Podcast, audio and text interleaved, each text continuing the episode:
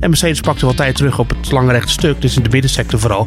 Maar ja, niet genoeg om het verlies in de eerste en de derde sector goed te maken. Als je dan al na één ronde denkt van, hé, hey, ik kan niet meer drinken en ik moet nog zo lang. Dat hij eigenlijk een extra knopje op zijn stuur moet hebben met leugen. ja. En dat gaf hem natuurlijk ook de kans om, om, om de controle te nemen, ook met die, uh, met die undercut uh, even later. Bonusoverwinning, omdat we in principe niet hadden verwacht dat, dat uh, Red Bull deze race de snelste zou zijn. Yeah, here we go again. Get in there, Lewis. It's broken. It's broken. Laps the steering wheel, yeah. Yes, boys, come on. Yes. Oh, this feels good. This feels really good.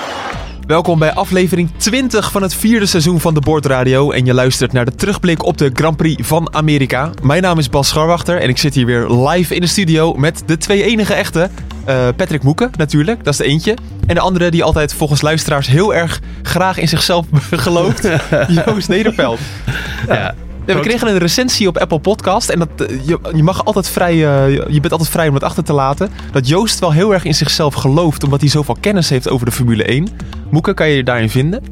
Daar kan ik me erg uh, goed in vinden, Bas. Ja, dat ja. klopt. Ja, ja. ja, En er stond ook bij dat wij dan van die beginnersvragen stellen. Ja, daar kon ik me ook uh, wat minder in vinden. Maar uh, ja.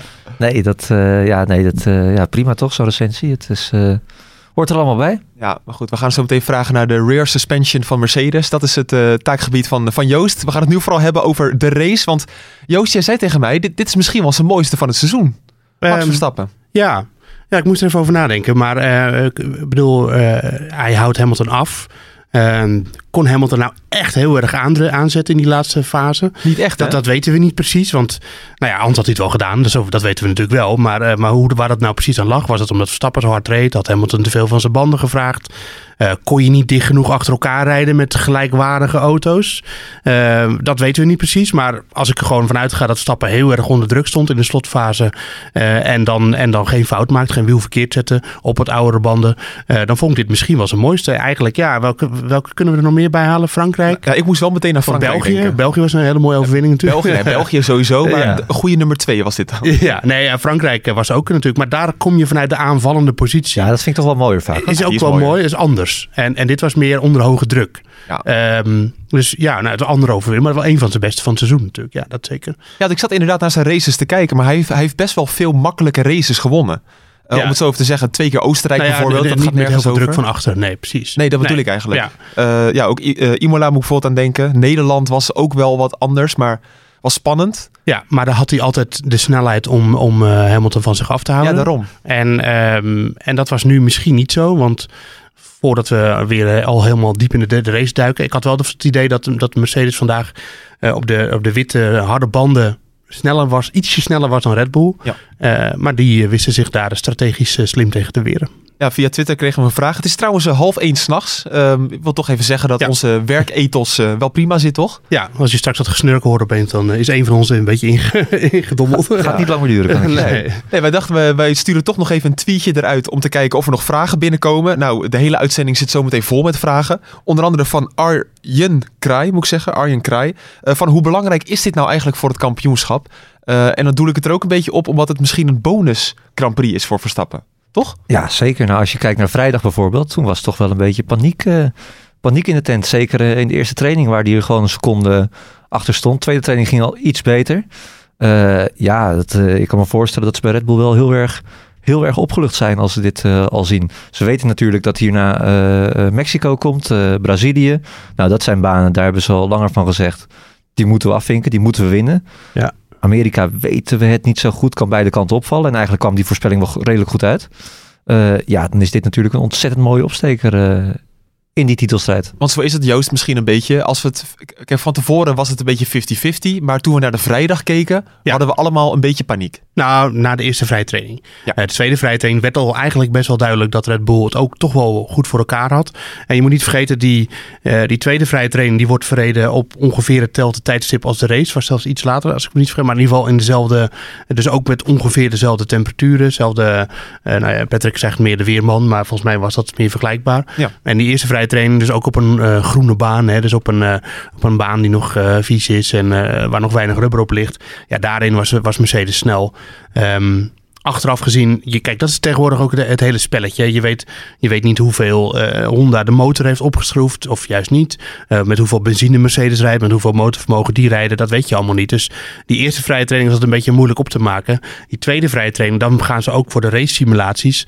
Ja, dan heeft het ook niet zoveel zin om dan eh, niet, niet helemaal voluit te rijden. Nou, doen ze dat dan nog steeds niet. En ja, die, die teams zijn ook nog weer zo slim dat ze dan kunnen eh, eh, berekenen van als we deze tijden rijden, als we dan de motor iets opschroeven, dan rijden we deze tijden. Weet je, dus daar zit ook altijd nog weer. Dus het is eigenlijk best wel giswerk. En, maar toch, eh, het was niet zo dat, dat Mercedes begon een beetje achteruit te gaan in tempo. Want je zag ook op een gegeven moment McLaren en Ferrari dus bijna dezelfde tijden rijden. Ehm, dus toen was het een, een, dan kreeg je een blijk van, nou, het zit toch wel oké. En, eh, en zaterdagmorgen werd dat eigenlijk bevestigd. En in de kwalificatie wisten we het zeker. Red Bull is gewoon snel. Ja, heb je enig idee wat de verandering is geweest waardoor Red Bull het tempo toch vond? Ehm, nee, nou, nee, Max, die, eh, Max Verstappen die zei gisteren in de persconferentie dat hij het eigenlijk zelf ook niet wist waar dat nou precies aan lag. Eh, je zou kunnen denken aan een verandering in temperatuur. Hè, dat die temper hoge temperatuur Red Bull vaak wel ligt. Wat lang Nou. geleden dat we dat gezien hebben op zich, hè? Zulke 30 plus eh, temperatuur. Ja. Ehm, je zou kunnen denken dat het ligt aan. Nou ja, ik, vroeg dat Verstappen donderdag. eh, van eh, die eerste sector, hè, die is heel erg bochtig. Ligt, dat ligt je auto normaal gesproken heel goed. Zeiden ja, ja dat, dat weet ik nog niet. Dat hangt van een aantal factoren af. En toen noemde hij ook temperatuur. Ehm, en als die dan goed is, nou, en dat was je nu blijkbaar, dan pak je daar heel veel tijd. En uiteindelijk, eh, die derde sector, we hebben het hele seizoen al gezien dat Red Bull goed is in de wat hogere snelheidsbochten. Nou, dat was nu weer zo, want daar pakten ze ook tijd uit Mercedes. En Mercedes pakte wel tijd terug op het lange rechte stuk, dus in de middensector vooral. Ja. Maar ja, niet genoeg om het verlies in de eerste en de derde sector goed te maken. Nee. Dus eh, je bent altijd op zoek naar de balans tussen eh, hoeveel downforce heb ik op de auto eh, en hoeveel tijd win ik daarmee in de bochten en hoeveel snelheid verlies ik daarmee op de rechte stukken. En die balans was bij, bij Red Bull gewoon goed. Ja. En, en dat is misschien ook een stap die ze gezet hebben van vrijdag naar zaterdag. Daar waren ze zelf in ieder geval wel over te spreken. En, en het Christian Horner die bedankt ook eh, Sebastian Buemi, hè, die in de simulator had gezeten.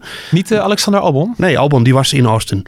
Eh, dus die... eh, Ja, precies. ja, Oh ja. en eh, dus eh Boemi die had eh, werk verzet. Kijk, dat is altijd het onzichtbare gebeuren. hè, Maar dat is ook goed dat Horner dat een keer benoemt. Eh er wordt natuurlijk keihard doorgewerkt. En ze hebben, die, ze hebben iets gevonden van vrijdag op zaterdag... waardoor het ineens echt goed ging. Ja. Ja, van je, ja, Moeke? Nou ja, toch ook wel een soort van opluchting proeft hij. Hè? Ook, eh, we kwamen natuurlijk uit Turkije, waarbij, eh, ja, eh, sprak, sprak ik zelf met Verstappen ook. Daar was hij gewoon zo, bezorgd. Hij zei, ja, we moeten wel, we gaan nu naar de Verenigde Staten toe. ook toch veel vol gasgedeeltes. Ik weet het nog zo net niet of het daar wel goed gaat komen. Dus ook met het oog daarop. Eh, eigenlijk zijn het inderdaad gewoon wel bonuspunten dat je het zo hebt om kunnen bouwen. Ja, dat is zeker waar. Nu, is, eh, nu zei je, Joost iets over de hoge temperaturen. Ja. Ehm, via Twitter vroeg Bas Wilbrink zich ook af van... Ja, hoe belangrijk was nou die hoge temperatuur in de USA ja, voor die overwinning van Verstappen? Want we weten allemaal dat de Red Bull ja, beter presteert als het warm is. Ja. En dan zegt daarnaast ook, dat is vraag 1. Twee van zijn de laatste races van het seizoen dan ook in het voordeel van de Red Bull? Omdat je natuurlijk naar de zandbak gaat. Ehm, En daar is het niet koud. nou ja, het, bedoel, het is niet zo dat die hoge temperatuur op elk circuit... en met elke vorm eh, soort asfalt goed werkt. En eh, ik, ik ga niet hier beweren dat ik precies weet... wanneer de Red Bull op welk asfalt... want dat, dat is gewoon helemaal Maar jij bent het alwetende orakel Ja, ja, oh van de Formule ja, 1, ja, Joost. Vaak weten die teams zelf dat ook die allemaal weten niet. dat zelf ook niet precies van tevoren. Nee, en eh, ehm, het, het is gewoon, het valt vaak wel op dat bij iets koelere temperaturen Mercedes het vaak goed doet. En, en op de een of andere manier vindt die Red Bull, en dat, kan dat, dat heeft ook aerodynamische redenen. Hè? Want eh, ehm, de, de, die luchtstromingen en de, hoe lucht eh, eh, beweegt en, en reageert, dat verschilt ook weer qua hoe de buitentemperatuur is. Dat kan ook verschillen. Dus het kan best zijn dat er ook aerodynamische dingen effectiever zijn op de auto als het wat warmer is. Of bij Mercedes juist als het wat koeler is. En, en hoe de auto met de banden omgaat. Eh, maar wat nou exact de details daarin zijn, dat, dat durf ik ook niet te zeggen. Het is in ieder geval wel zo dat, eh, dat daar een soort van vastigheid in zit. Maar niet op elk circuit, niet op elke vorm van asfalt. En, eh, maar wel eh, Mexico, maar dat heeft vaak weer een andere reden, die hoogte.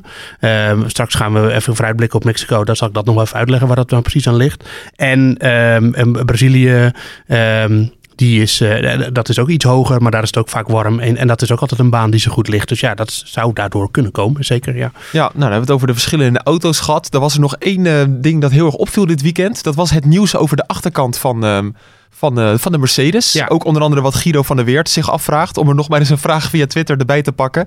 Van ja, dat zakken van de achterkant van Mercedes, wat we denk ik allemaal wel gezien hebben. Ja. Ja, dat was opeens nieuws dit weekend. Ik was daar zelf ook een beetje verbaasd over. Ja. Jij zei tegen mij, Joost, van nou, dat, dit weten we al eh, een heel seizoen. Sterker nog, al meer dan een seizoen. Ja, ja, maar dat, dat, dat, dat is ook, eh, het is ook niet eh, nieuw dat een auto inzakt op het rechte stuk. Maar hoe kan het dan Nou dat dit in één keer dan nieuws is? Ehm, nou ja, er is natuurlijk sprake van een eh, toegenomen topsnelheid bij Mercedes. Althans, dat zegt Red Bull. En dat zie je ook wel een beetje in de, de data.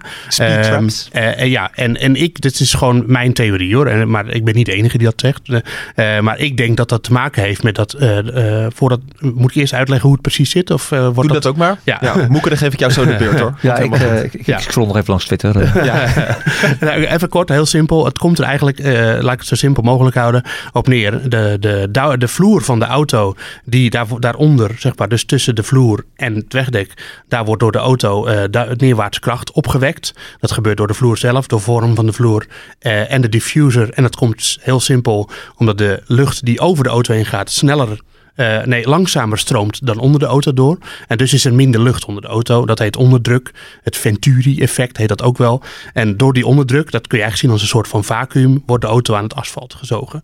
Eh, die wordt eigenlijk dus naar beneden getrokken. Dat is wat er gebeurt. Dat is downforce. Dat komt uit de vloer. En Mercedes en ook andere teams doen dat. Die willen dan op het rechts... Want die downforce heb je in de bocht nodig om sneller door de bocht te gaan. Maar op het rechtstuk wil je het eigenlijk niet. Want die, het levert ook eh, luchtweerstand op. Drag. Drag. Ja, drag is Kijk, een, eh, een hè? Hè? Ja, ja. Dus wat wil je op het rechtstuk eigenlijk? Dat die drag, die, die luchtweerstand er niet is. En dus zakt die auto op het rechtstuk wat in.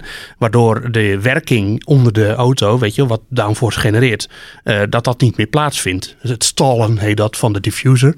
Eh, en daardoor is die, dat, dat onderdrukgebied verdwijnt. En daardoor heb je niet meer die luchtweerstand en ga je sneller op het rechtstuk. Eh, Mercedes eh, doet dat volgens mij al jaren. Eh, alleen omdat ze natuurlijk dit jaar met die nieuwe regels zaten. Met dat die vloer krapper moest. En dat, dat Mercedes veel balansproblemen had in de eerste helft van het seizoen. eh, werkte dat waarschijnlijk dus niet helemaal optimaal. En sinds die update in Silverstone hebben ze dat beter voor elkaar. Ja. Dat wil niet zeggen dat de motor van Mercedes niet iets beter is geworden. Dat kan ook zo zijn. Vroeg, ik vroeg Verstappen daar naar, naar donderdag tijdens... op de mediadag dus zei Verstappen ook, ja, er is een combinatie van factoren waarom, waarom die Mercedes sneller is op de rechtstukken. En dit is er één van. Maar het is niet nieuw, dat dit fenomeen. Dat doen teams al jaren, het eh, proberen te stallen van de diffuser. Ja, sterker nog, zeven van de tien teams gebruiken dit. Ja. Ja. Eh, en het is eh, wel zo dat een auto met, die wat aan de achterkant wat lager op de grond staat, zoals de Mercedes, hè, de lage rake, zoals dat heet, dat die dat effectiever kunnen doen vaak dan de Red Bull. En je ziet ook, en dat zie je dus ook uit die sectortijden, dat de Red Bull die haalt zijn rondetijd, dus de, dus de snelheid op de baan, uit andere momenten dan de Mercedes. Eh, en dat betekent dus dat je uiteindelijk wel tot een snelle ronde kan komen, maar misschien niet zo snel bent op het rechtstuk. Maar dan haal je die snelheid ergens anders vandaan. En daarom ehm, betekent het niet dat Mercedes vals speelt of zo. Eh, en het betekent ook niet dat dat per se een heel groot voordeel is. Het is alleen dat ze er op dat moment voordeel van hebben. En dus ook vaak op circuits met lange rechtstukken dat dat beter werkt. Ja, en voor de duidelijkheid, dit is niks illegaals. Dit mag gewoon, hè? Nou ja, ik bedoel, eh, zover we weten niet. Kijk, je moet natuurlijk wel iets in je, in je wiel ophangen hebben. En de vering. En die vering van die, vooral de achtervering van de Formule 1 auto's en de voorvering auto's, is ontzettend complex. Ja, gaat alle kanten op. Nou ja, dat bedoel, dat is gewoon hogere wiskunde. Ja. Eh, en je moet natuurlijk wel iets hebben waardoor die auto onder een bepaalde druk, hè, want dat is het hele, dat moet ik er wel goed bij vertellen, dat als- zodra die auto dus sneller gaat rijden, neemt die downforce toe en dan wordt die auto naar beneden gedrukt en dus zakt die in. Dat is wat er gebeurt. Maar je moet natuurlijk wel veren hebben die op een gegeven moment, als je over een curbstone gaat of zo, wel gewoon goede veringen hebben. Dus dat is ook heel complex. Het is allemaal, het zit heel complex in elkaar. Dat is wat Formule 1 ook mooi maakt. En, eh, en ja, andere teams doen dat ook. Wat je zegt, Ferrari die gebruikt dat ook. En dan ga maar kijken naar die, die onboards naar achter toe. Je ziet het ook bij de Red Bull, dat die gewoon inzakt op het rechtstuk. Dus dat is niet, eh, niet heel bijzonder. En het, is, het kan alleen wel een reden zijn waarom Mercedes dat eh, sneller is geworden de laatste tijd op het rechtstuk. Omdat ze dat beter voor elkaar hebben. Dat is alles. Ga ik eens kijken om een goede vraag te formuleren. Moeke, let op. Van, ja, Red Bull heeft natuurlijk heel veel drag eh, door de hoge rake die ze aan de achterkant hebben. Ja. Maar, eh oh, die ben ik wel kwijt.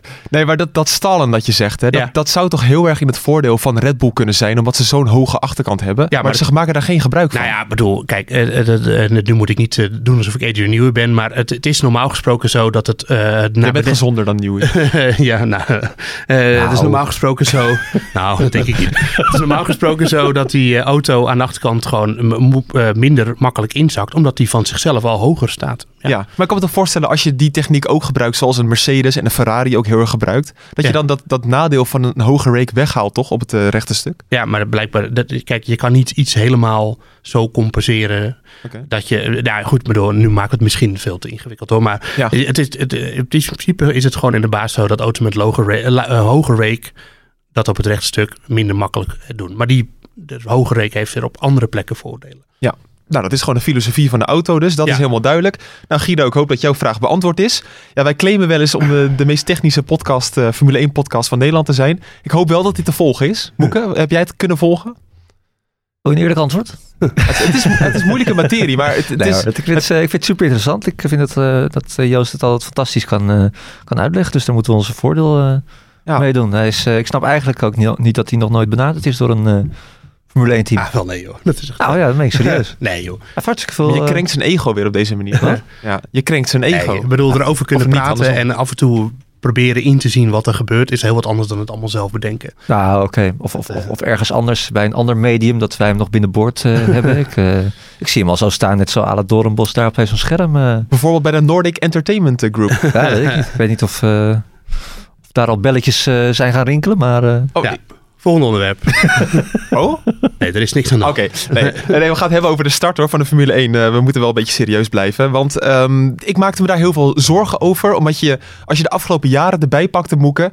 De nummer 2 had altijd de beste start. En het gebeurde gewoon weer. Ja, ja, nou ja, ook omdat die stond aan de binnenkant. Hè. En dan heb je toch, ik herinner me ook nog, eh, was dat in 2015 volgens mij met eh, Hamilton en Rosberg ook, dat, dat Hamilton hem toen eh, helemaal naar de buitenkant In de regen. dwong in de regen inderdaad. Ja. Ja, fantastische race was dat, eh, was dat trouwens. Maar dat, eh, ja, zo ging dat eigenlijk ook weer een beetje. Verstappen eh, was, Hamilton zat er eigenlijk al naast. Verstappen kon niet meer verdedigen. Je zag al wel meteen daarna dat Verstappen wel de snelheid had hè, op, die, op, die, op die mediumband. Daar was hij echt wel veel sneller op dan, dan Hamilton. En dat gaf hem natuurlijk ook de kans om, om, om de controle te nemen, ook met die, eh, met die undercut eh, even later. Ja, precies. Want het hele eerste begin, dat eh, geloven we wel. We gaan het ook nog, e- we zeggen het vaker in deze podcast. We gaan het zo nog even hebben over Ferrari en McLaren. Maar we slaan dat deel even over. Ronde 10 ging Verstappen namelijk naar binnen. Heel vroeg al. Ja. Ik dacht een beetje, Joost, te vroeg. Eh, nou ja, vooral omdat je niet. Je, ik bedoel, eh, Red Bull weet natuurlijk waar hij terechtkomt na een pitstop. Eh, maar hij, het In was verkeer. In het verkeer. Dat was wel duidelijk dat hij tussen de Ferraris en de McLaren's bed zou komen. Ehm, ja, het, wa- het kon zijn. Ik bedoel, ze luisteren natuurlijk ook allemaal met elkaar mee. Dat, dat ze al wisten dat, dat Ricciardo en, eh, en Leclerc later een pitstop zouden maken. Eh, dat zou kunnen. Eh, maar dat zat wel mee natuurlijk. En toen uiteindelijk eh Ricciardo voor hem vandaan ging. Hij haalde er eentje in. Was dat Sainz volgens mij? Of was het een McLaren? Ehm, in ieder geval, hij haalde één, één van Ja. die auto's in. En daarna Ricciardo moest was hij... dat, ja. Ricciardo Ja, was heel het, ja. makkelijk. Die deed niet en daarna, ja, precies. En daarna moest hij nog eh, alleen Perez voorbij. En toen had hij, kon hij zijn eigen tempo rijden. Eh, en, eh, want hij zat toch een beetje klem achter Hamilton en hij kon er niet langs.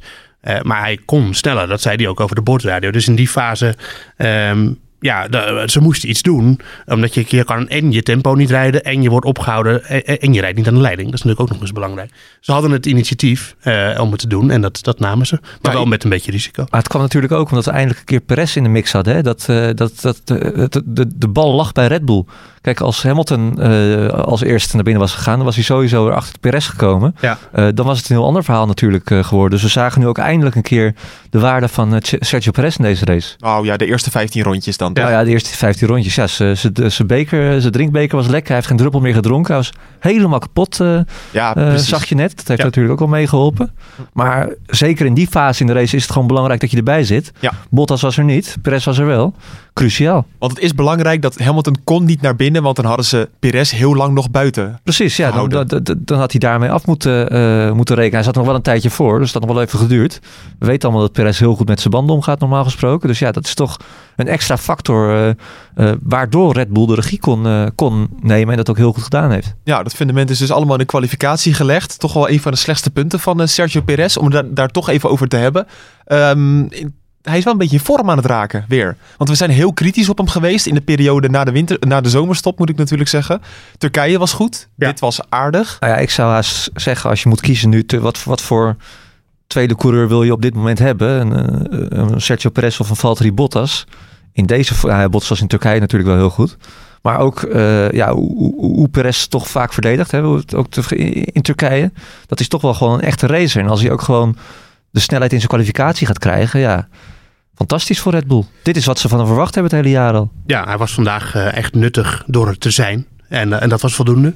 Eh, uiteindelijk vond ik hem qua snelheid niet heel indrukwekkend, moet ik zeggen. Dat in de kwalificatie ging dat iets beter. Maar uiteindelijk, ik heb nog even gekeken naar de beste sectortijden bij elkaar in de kwalificatie. En daarin was hij ook gewoon met, op zijn optimale rondje. Als hij die had gereden, was hij ook derde geworden achter Hamilton en Verstappen. Ehm, ja, het, het, het, het, de laatste tijd zit het iets beter in elkaar bij. Je hebt ook het idee dat hij iets meer vertrouwen weer heeft. En je put natuurlijk ook vertrouwen uit goede resultaten. Ja. Ik denk dat Turkije hem wat dat betreft ook wel goed heeft gedaan. Eh, en hij was nu vanaf het moment één was hij er eigenlijk gewoon bij. In de vrije training natuurlijk. Die tweede vrije training, oké. Verstappen reed uiteindelijk snellere tijd. Die werd hem afgenomen.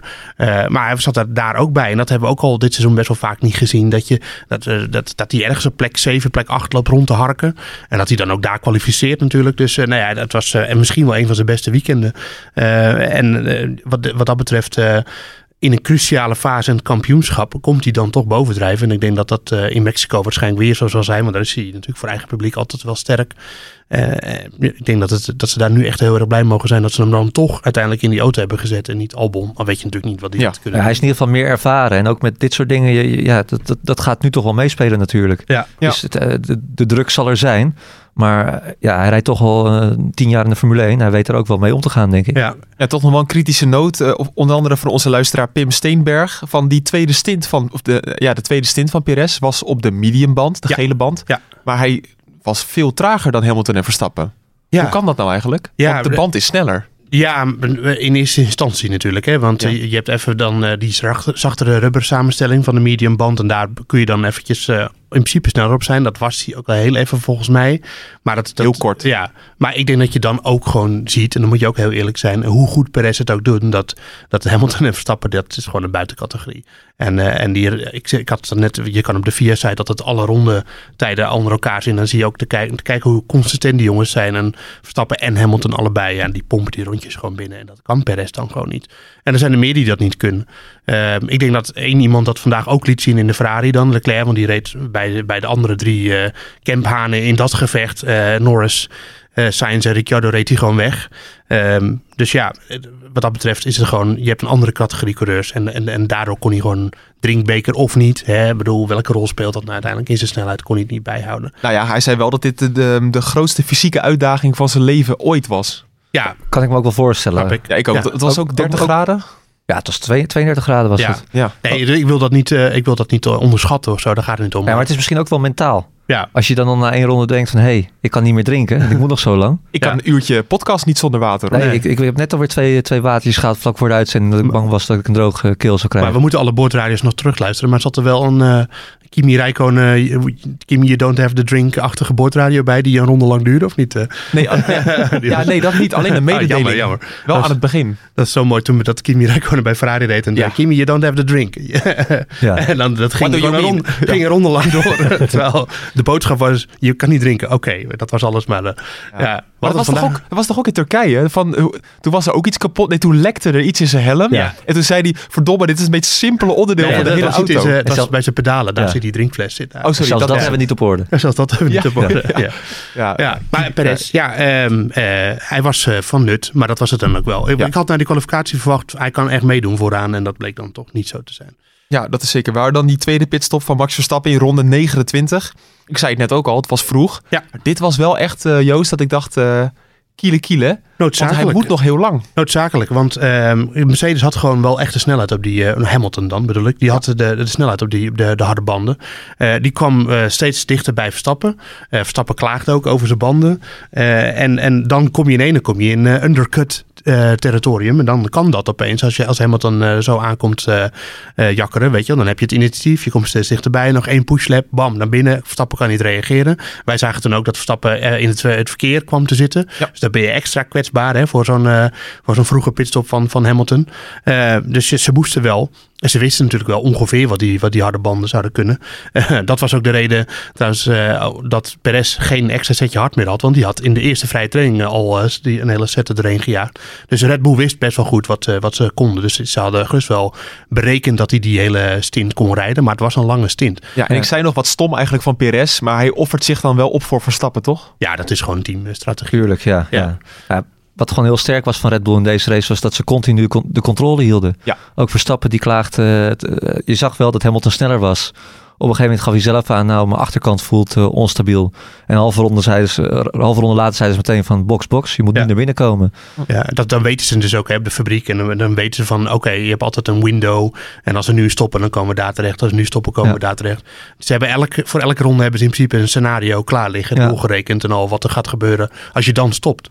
Dus op zich weten ze dan, kunnen ze dan ook die call wel maken. Ja, en vro- in eerdere jaren zag je juist dat Mercedes daar altijd heel erg sterk in was. Dat, dat, eh, ook omdat, ze- omdat zij vaak ook met 2 tegen 1 aan het rijden waren. Dat, dat zij altijd het initiatief namen als ze met Verstappen in gevechten waren. En ja, die bal lag vandaag echt helemaal bij Red Bull. Ja. Maar ook de- de- zo opvallend dat Bottas opnieuw naar een nieuw stukje motor moest. Ehm, Wat heel opvallend is, want daardoor ha- kreeg Max alle vrijheid om te doen wat hij wilde. Ja, maar ja, dat, ja, Mercedes heeft dat niet gedaan. Omdat ze dachten, we vinden het leuk als Valtteri als negende start. Dat er was natuurlijk een reden voor om Ja. dat te doen.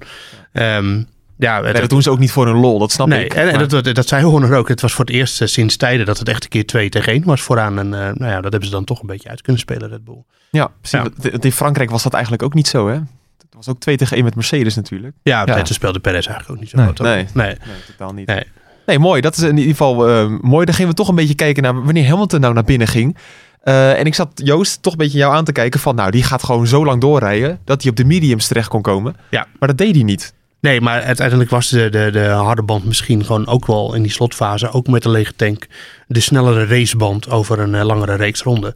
En zeker als je dan nog een gat dicht moet pushen, dan is het toch wel lekker eh, dat je als je dan bij degene aankomt met wie je moet vechten, dat je nog banden over hebt. En dat is met, eh, met de medium band misschien dan niet meer het geval. En dan Dus kom je ook- aan bij Max Verstappen. Dus en dan heb je ja. geen banden meer. En, dus, en Hamilton kwam er nu al niet meer aan te pas. Uiteindelijk natuurlijk toen hij in de gevechtssituatie terecht kwam. Eh, maar dat was dan misschien zeker niet zo geweest. Dus eh, ik denk dat dat een logische keuze was van Mercedes. Wat ik me wel afvraag, met die eerste pitstop... ehm, ja, dan liet Mercedes zich dan toch een beetje in de luren, in de luren leggen natuurlijk. Want we, we kunnen zeggen, oh, wat goed gespeeld door, eh, door Red Bull dat ze dat deden. Met risico. Maar ja, Mercedes die deed niks. En natuurlijk, ze konden ook niets meer doen. Maar ze hadden natuurlijk ook, ook als eerste naar binnen kunnen gaan. Dus, ik, eh, ik denk ook dat ze onderschat hadden hoeveel sneller Verstappen op die nieuwere band zou zijn. Hè? Want, eh, ja, eh, Ja. En wat ook gebeurde, eh, Hamilton zei natuurlijk meteen toen hij hoorde dat Verstappen naar binnen was gekomen, dat zijn banden nog perfect waren. ja, Wat al, en we weten hoe, het, hoe, hoe gevoelig dat ligt sinds Turkije, hè, waar, Ja. waar Hamilton Mercedes natuurlijk heeft verweten dat, eh, ja, dat, ze de, dat ze de bal verkeerd eh, Ja. hadden gekaatst. Ja. Eh, dus ja, dat, daar misschien toch ook wel iets zat van, nou ja, eh, als zijn ballen nog goed voelen, we, denken al twee keer na om hem meteen erachteraan naar binnen te halen. ja, ik las daar eh, vorige week zo'n interessant stuk over. Over de rol die Hamilton speelt bij, binnen de strategie van Mercedes. En, en dat die ook niet altijd goed is, die rol. Weet je wel? Dat ze ook wel heel erg naar hem luisteren. We hebben natuurlijk de laatste tijd best wel vaak gezien dat dat net goed ging. Hè, Rusland, toen negeerde hij zijn team ook een keer. En, en, en daar komt ook bij dat hij natuurlijk vaak die spelletjes speelt via de boordradio. Van eh, nee, mijn banden zijn nog goed. En, eh, of nee, mijn banden zijn er helemaal aan. En dan een, eh, een snelste ronde rijden. Ehm, dus ja, ik vraag me wel eens af of dat dan nu weer een rol speelde. Weet je, dat hij zegt, mijn banden zijn nog goed. En dan drie later, ronden later moet hij alsnog naar binnen. Dat, Ja. Krijgt hij nu misschien toch eh, op zijn bordje ja. jarenlang van die stomme spelletjes gespeeld inderdaad. En eh, ja. nu weten ze zelf ook niet meer wat Nee, ze nu weet het aan team niet meer wat ze aan hem hebben. Meent hij het nou of zo? Ja. Ja. Dat hij eigenlijk een extra knopje op zijn stuur moet hebben met Ja. leugen. Ja.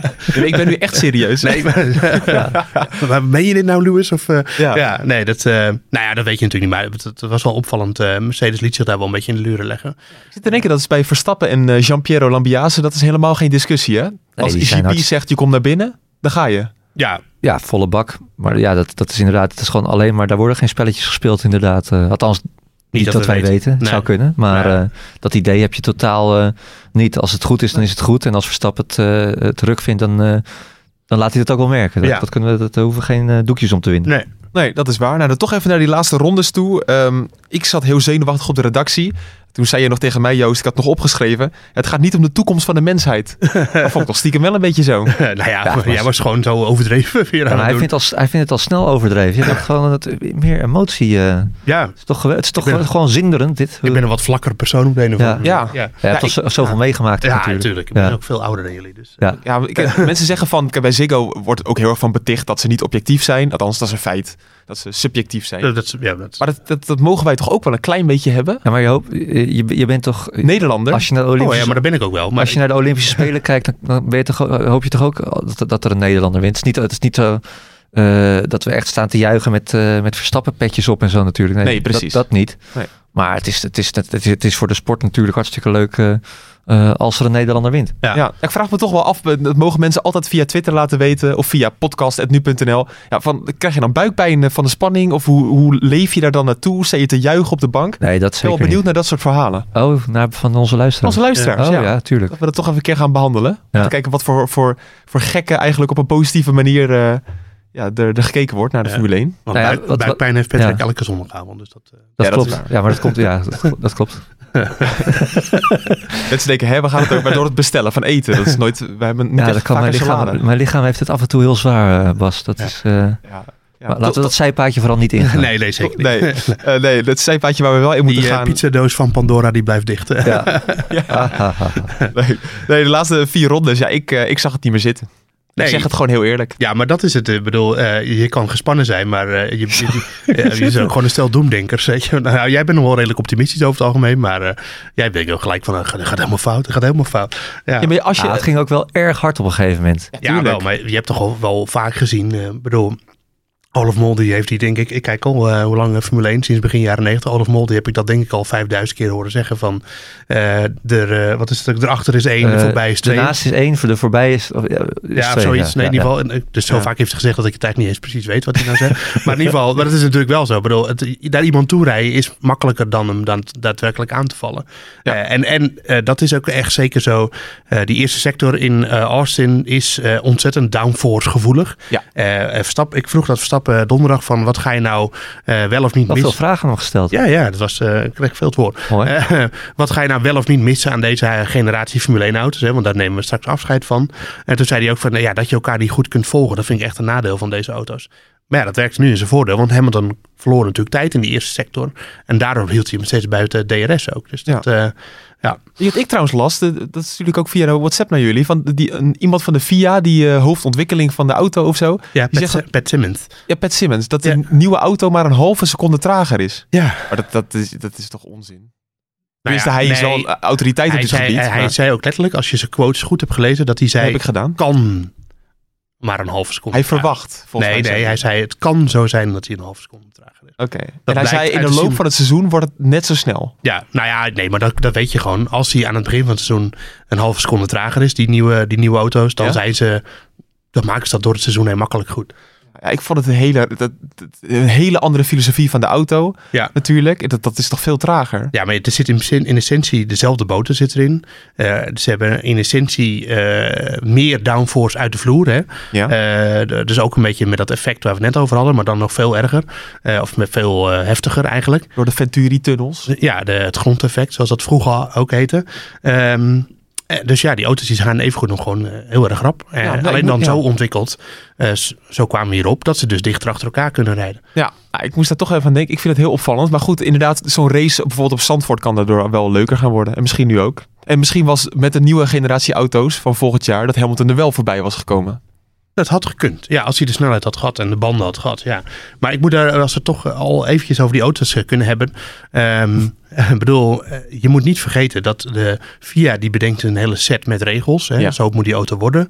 Eh, en dan gaan de teams ermee aan de slag. En die, in principe is het zo, dat kun je wel een beetje.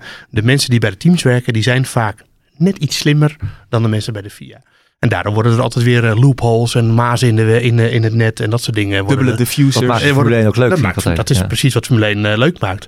Ja. Eh, maar daardoor moet je niet eh 100% ervan uitgaan dat wat de FIA beoogt met die nieuwe auto's, dat je heel dicht achter elkaar kan rijden. Want nee, er zijn geen luchtverstoringen en dat hebben we allemaal bedacht. Ja. Dat dat in de praktijk ook echt zo gaat zijn. Want teams die denken niet aan dat de race heel erg leuk is. Die willen gewoon dat hun auto zo snel mogelijk is. En dat is het enige wat belangrijk is. Dus eh, laat die er eerst eens mee aan de gang gaan. En dan gaan we dan wel eens kijken hoe, eh, hoe het allemaal uitmondt eh, met die nieuwe auto's. Testdagen worden ook heel leuk. Nu al zin in. Ja, zeker. En weer in Barcelona gewoon auto. Ja, er gaan geruchten. Wat is het nou? Drie dagen Bahrein, drie dagen Barcelona. dat ligt mij al vast, toch? Ja. Ja. Drie, drie Barcelona, drie dan drie Bahrein. En Oh. dan daarna de eerste Grand Prix ook in Bahrein. We zijn wel een beetje afgedwaald. Ja, met dat, en dan met Max als wereldkampioen, toch? Oh, daar willen we nu naartoe natuurlijk. Ja, Patrick had een mooie theorie. Pet, eh, laat Nou ja, even horen. even zeggen, want wat we dus zeiden al van dat, dat dit dus een bonusoverwinning is. Ja. Ehm, en er komen er nog eh, vijf Ja, maar races toch aan. wil ik daar wel even ook nog iets over zeggen als dat mag. Ja, eh, bonusoverwinning omdat we in principe niet hadden verwacht dat, dat eh, Red Bull deze race de snelste zou zijn. Klopt. Maar we hadden ook niet echt 100% reden om aan te nemen dat Mercedes de snelste zou zijn. Nou, Op basis van statistieken Nee, van de nee, afgelopen maar- nee, jaren. maar- Ja, maar, ja, maar de afgelopen, dat is dus precies mijn punt. De afgelopen jaren was de Red Bull sowieso langzamer dan de Mercedes. En dat is dit seizoen niet zo. Dus dat, dat, dat als je dan terug gaat kijken van nou, eh, in die, die en die jaren heeft Hamilton gewonnen. Ja, toen had hij veruit de beste auto. Dus dat zegt niet zo heel veel dat hij dan maar sterk toch wel eh, de eerste keer dat Red Bull natuurlijk, eh, of de eerste niet-Mercedes coureur op pole. Nee, maar Eh, dat, was dat- in- dat hebben we toch in Frankrijk ook al gezien. Dat Zeker, hebben dus, maar ook, ook wat je in Turkije zag, dat, Ja. waar we het net al over gehad hebben, dat ze zich zorgen maakten. Nou, dat is meer een reden om te precies. denken dat Hamilton sterk zou zijn. Maar niet op basis van de afgelopen jaren per se. Nee. Want dat zegt gewoon niet zoveel. Maar goed, Verstappen heeft natuurlijk nu 12 punten Ja. voorsprong op, op Hamilton. Eh, laten we er stiekem van uitgaan dat hij in Brazilië en Mexico ook de snelste eh, auto heeft. Maar dat is in principe, dat, dat is een moedje. Hier, maar hier gaan we het theoretische gedeelte in. Hè? Ja, Ja, ja, oké. want het blijft natuurlijk allemaal, dat is altijd ge- gevaarlijk met Formule 1. We hebben Silverstone gezien, één tikkie en je bent eh, klaar. En alles wat ik nu ga zeggen slaat helemaal nergens Of je nou de snelste bent of niet. En Maar dat, maar daar kunnen we en geen dat, rekening en dat mee maakt houden. sport natuurlijk ook hartstikke leuk. Ja. Maar stel nou dat hij daar wint en in, in het eh, beste geval voor Hamilton wordt hij daar twee keer eh, tweede. Nou, dan eh, loopt Verstappen weer 14 punten uit. Heeft hij 26 punten voorsprong als we eh, naar Qatar gaan. Ja, en dan heb je nog snelste racerondes en zo, maar dan pak, pak nog- misschien Max ja. er eentje en Verstappen er eentje. En, mis- en misschien is Of, eh, als, als Red Bull echt nog sneller is in Mexico, zit Perez ook wel voor Hamilton een keertje. Ja. Wie weet, dus kan het gaat nog groter zijn. We hebben vaak gezegd dat de race in Abu Dhabi, of dat, dat de titelstrijd in Abu, Abu Dhabi beslist gaat worden. Maar ja, het zou, op, op, als ik het nu zou moeten invullen, dan gaat het in Saoedi-Arabië gebeuren. Want, dat moet je dan ook even uitleggen. 26 punten, dus 26 punten. eh, Qatar is een Red Bull baan. is een Red Bull baan in principe ook. ja. Eh, ja, dan zou Verstappen het in, in, in Qatar af kunnen maken. Ja, en dan kan je nog 26 punten zeggen van, nou moet Verstappen uitvallen en heeft Hamilton de snelste raceronde. Maar Verstappen heeft meer wedstrijden dan gewonnen. Precies, ja. ja. Als, als ik kijk Qatar, het- ik moet natuurlijk zeggen eh Saudi-Arabië. Ja, sorry, ja. Want daarna, en daarna is nog maar één Abu Dhabi. Want Saudi-Arabië moet trouwens wel bij zeggen, dat is op basis van al die rechtstukken die daar zijn echt een Mercedes. Ja, ja. Ja.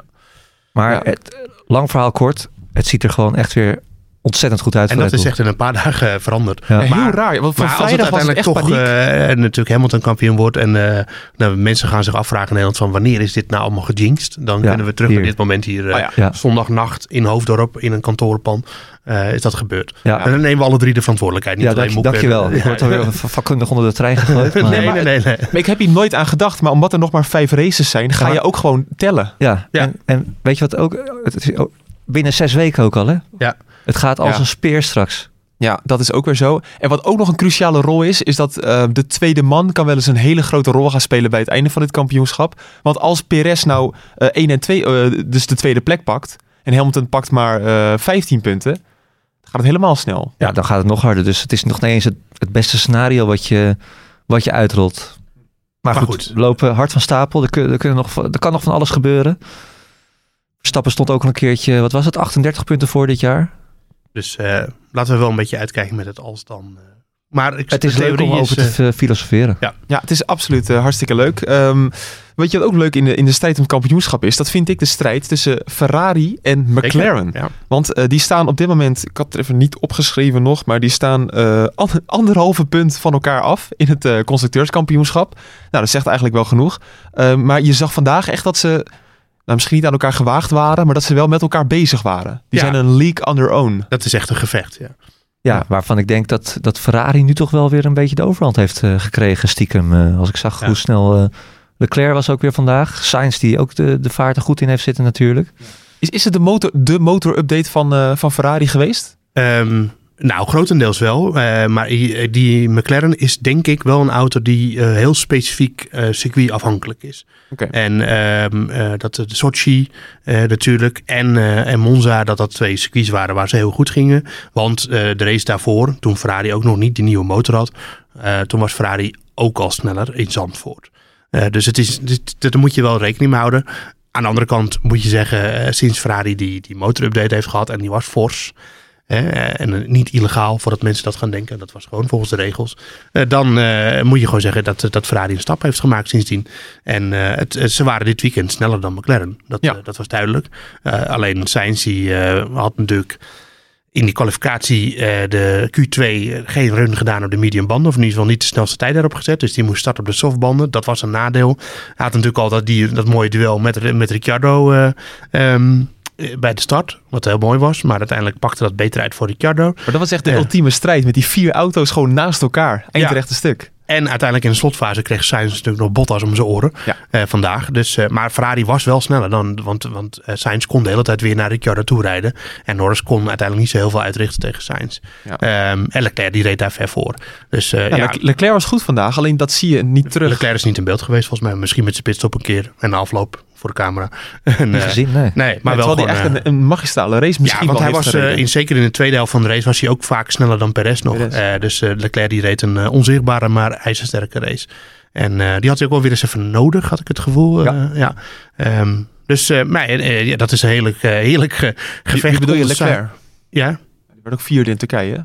Nee, dat klopt. Maar toch heb ik het idee dat hij de laatste, dit seizoen eh, ook best wel veel pech had. En had natuurlijk in Rusland eh, in de slotfase dat het fout ging. Ja. Eh, Ik vind hem niet zijn allersterkste seizoen rijden, Leclerc. Dus, Maar daarvoor vierde in Monza, vijfde in Nederland, achtste in Bel ja, België. Ja, maar Sainz stond natuurlijk ook een keertje op het podium tussendoor. Ja. Die was hem stiekem ook al voorbij. Dat is het ook vooral Ja. dat hij op een gegeven moment ook achter Sainz in het wereldkampioenschap stond. Ja, klopt. Vorige race zo. Ja. Dus eh, ja, nee, dat is gewoon een, een heerlijke zijgerecht in, eh, in de, bij de titelstrijd. Heb je gewoon nog erbij, gewoon zo, staat op tafel. eh, Ja, eh. Het is geweldig. Het is echt, eh, het, is, het, is, het is genieten. ja. Het is het beste Formule 1 seizoen Nou ja, en dat is natuurlijk ook zo. Natuurlijk was vandaag een spannende race. Ook omdat eh, dat, eh, uiteindelijk dat Hamilton nog bij Verstappen in de buurt komt.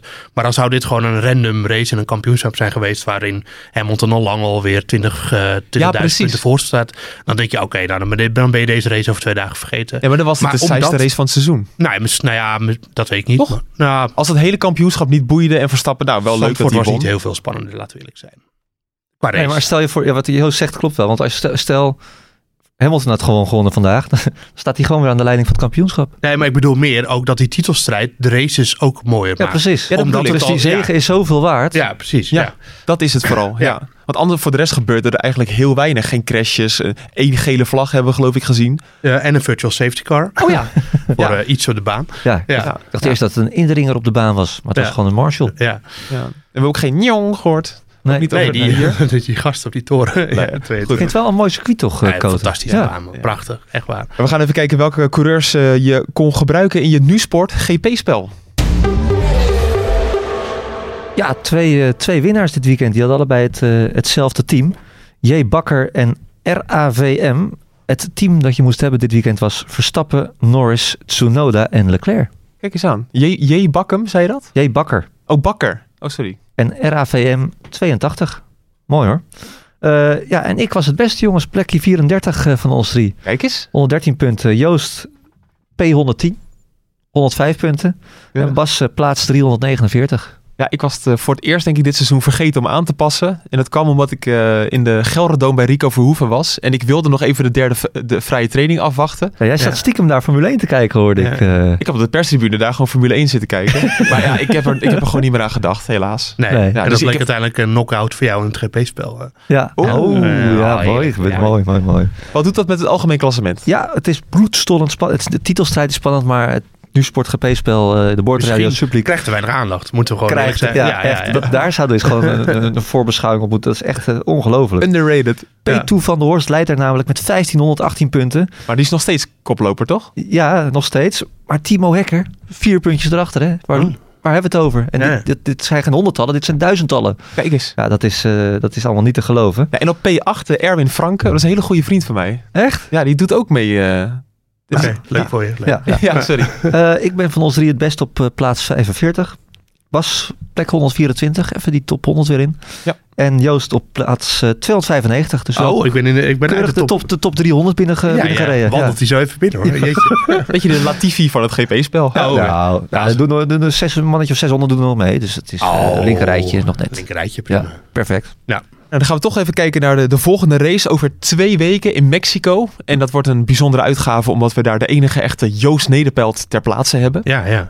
Je gaat naar Mexico Ja, in coronatijd. Mexico lijkt me niet het beste land trouwens. Gaat dat goed daar? Mooie sombrero. Ja Geweldig, maar ik zie hem al corona, lopen. Het Corona Beach komt volgens mij wel uit Mexico, toch? Dat is, eh, oh, dat is waar ja. Ja, ik sluit niet uit dat ik er daar wel een van eh, ga proeven. Even. Nee, ik ben wel Ehm, benieuwd, is dat nog gedoe met binnenkomen en een visum of iets? Eh, ehm, nou, veel minder dan Amerika, kan ik je vertellen. Ja. Dus eh, ja, nee, eh, dat, ik, mij eh, is dat allemaal geen probleem. Ik mag hopen. Nou, je bent lekker voorbereid, ik hoor het al. Eh, nee, in ieder geval... Ga er blind in. ik zie het al bij de douane. ja, nee, eh, nee, dat is niet. Nee, maar het is het land van... dat, dat is omgedoopt tot Mexico. Ja, En dat komt ook omdat de Red Bull daar vooral heel erg sterk is. Maar Ja. dat is ook wel een beetje uit de Renault-tijd. Eh, Ehm, dat, dat Verstappen daar won. ja, Is dat nu nog relevant? ja het gaat er niet zozeer om dat eh, de, de Red Bull daar heel sterk is. Het gaat er vooral om dat de Mercedes er niet sterk is. Zo is het ook. En, Kijk, dat is waarom? nog, en die rijden nog steeds met de Mercedes motor. Ehm, dat, ja. dat heeft te maken met dat de Mexico-stad, die, dat ligt op 2000 meter hoogte. Het ligt op een of andere plateau. Ehm, eh, voordat we hier een heel geografisch verhaal hebben, maar dat is, dat is daarom. Eh, en dat, dus is er minder, het is ijlere lucht, hè? dus er zit minder, is minder, minder lucht gewoon in principe. Eh, minder zuurstof, dat soort dingen. Eh, en daar hebben die motoren last van, de, de, de, de Formule 1 motoren. Ehm, en dan de- uiteindelijk speelt de turbo daar een grote rol in, in, in. in het voorkomen van het feit dat er minder lucht is. Dus, want de turbo die pompt lucht in de motor. Ik ga voor rest niet allemaal uitleggen hoe dat werkt. Eh, en het komt hierop neer. eh, Honda eh, gebruikt een iets, en, en Renault ook, gebruiken een iets grotere turbo dan Mercedes. Eh, iets andere diameter. Het is de detailwerk hoor, waar we het hier over hebben. En daardoor heeft de Mercedes motor gewoon iets meer moeite om dat eh, erin te pompen. En daardoor, dat is het verhaal altijd waarom Mercedes eh, minder goed voor de dag komt daar. Eh, dus ze hebben relatief iets minder motorvermogen. Ik zit ook te denken met alle problemen natuurlijk van, van, van, van Mercedes eigenlijk. Met, met de motorwissels. En we hebben bij Bottas weer gezien. Ja, Kan dat nog een extra factor gaan... eh, Ehm, zijn? Nou ja, het, het verhaal, eh, ik bedoel, dit zijn allemaal, we praten allemaal in eh, wat de geruchtenmolen voortbrengt. Het verhaal is dat het, het bij Mercedes eh, het probleem zit in de verbrandingsmotor. Ehm, eh, en dan dat te maken heeft met de pneumatische bediening van de kleppen. ja, nee, precies. Ja. ja, jullie wat, weten- wat, nee, ja, Jullie heel weten natuurlijk niet hoe een motor werkt. Wel, ik vind dat altijd frappant. Dat mensen dus, het is gewoon, dit is geen sneer of zo, maar dat mensen dus in een auto kunnen stappen elke dag en de sleutel omdraaien of op de start-stop-knop drukken. Ja. En dan geen idee hebben wat daar onder de motorkap gebeurt. Ik blijf dat altijd bijzonder vinden.